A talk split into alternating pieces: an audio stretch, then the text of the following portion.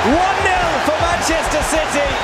En hel fotballverden er rista over straffen på to års utestengelse fra den største og gjeveste turneringa. Hva er det Manchester City har gjort gærent? Jeg heter Tor Erling Tømt Ruud, og dette er Verdens gang. I løpet av tolv år har Manchester City gått fra å være en mellomgod klubb i England til å vinne den engelske serien, ligacupen og FA-cupen flere ganger. Men anklagen om at en pengesterk eier har drevet med økonomisk doping, har hele veien hengt over klubben. Nå har Manchester-laget fått en dom som kan gi enorme ringvirkninger både for klubben selv og for andre fotballag. Sportskommentator i VG Leif Elhaven, hvor alvorlig er dette? Dette kan være starten på en helt ny tidsæra for maktforholdene i engelsk og internasjonal klubbfotball. Han er en av verdens rikeste menn.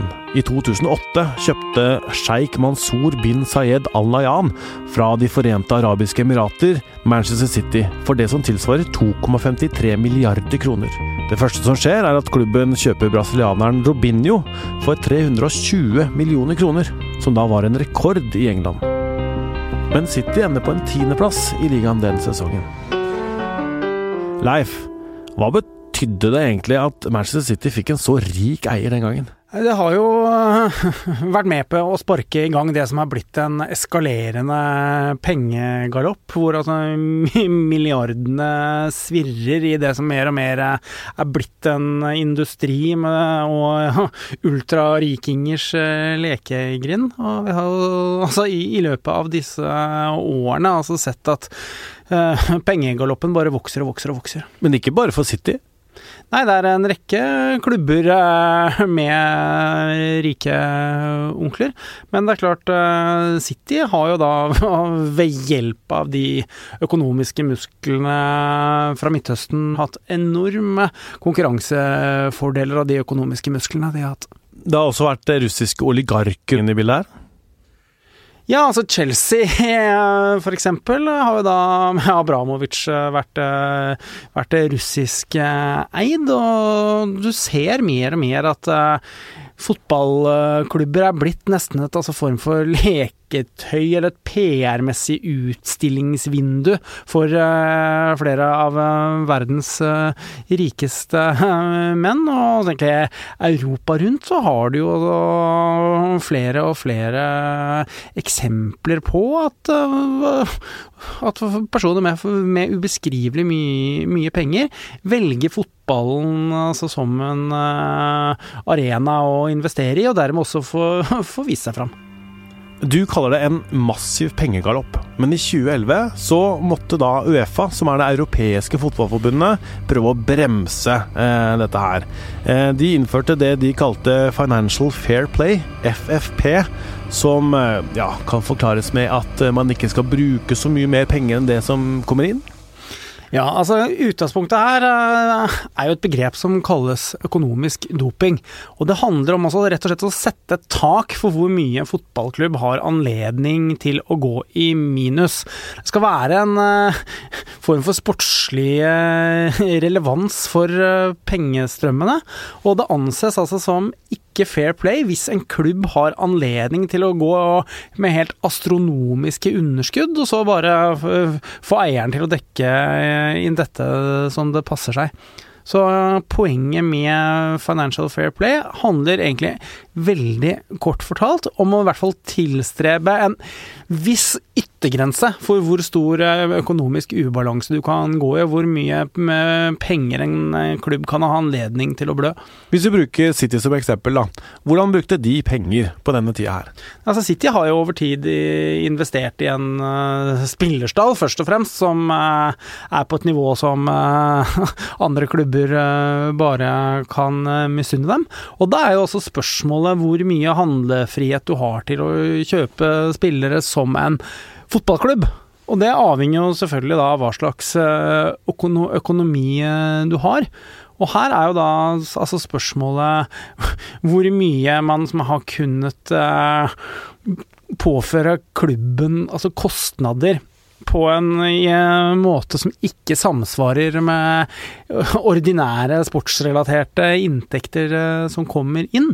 Og om man egentlig da, altså da i realiteten har økonomisk dopet uh, klubben ved at uh, eieren rett og slett bare har kunnet uh, plukke opp regninga for underskudd som går langt utover det regelverket tillater. Ja, for da har du liksom noen eksempler da, på at klubber i Italia vel, som måtte selge spillere for å liksom komme seg under dette taket? Ja, så Zlatan f.eks. ble jo i sin tid solgt uh, fra Milan, og, og, om jeg husker ikke, nettopp fordi klubben uh, trengte økonomisk å komme meg som innenfor uh, re regelverket. Og det var en rekke eksempler fra diverse europeiske land på at det har vært ulike former for sanksjoner over tid, fordi man altså ikke har oppfylt kravene som Uefa stiller.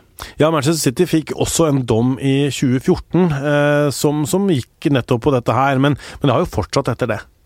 Ja, altså denne galoppen har, altså, har, har bare eskalert.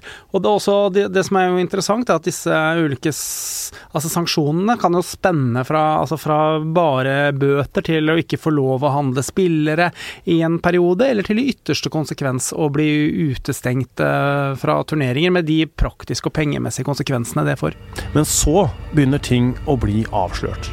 For i 2016 så lekker det ut veldig mange dokumenter og informasjon som kan vise transaksjoner mellom klubber. Den viser også hvordan eh, storspillere har tukla med skatten.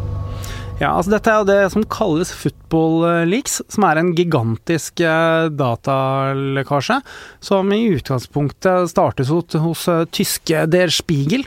Avisa, ja. Mm. Som igjen da altså samarbeider med ulike redaksjoner i ulike land. Mm. Og i første runde av Football Leaks ble det da avslørt hvordan noen av fotballverdens aller største navn, f.eks. Altså både Lionel Messi, Cristiano Ronaldo og José Mourinho, er felt for skatteunndragelser som en altså, direkte konsekvens av uh, disse dokumentene som Der Spiegel med venner fikk tak i.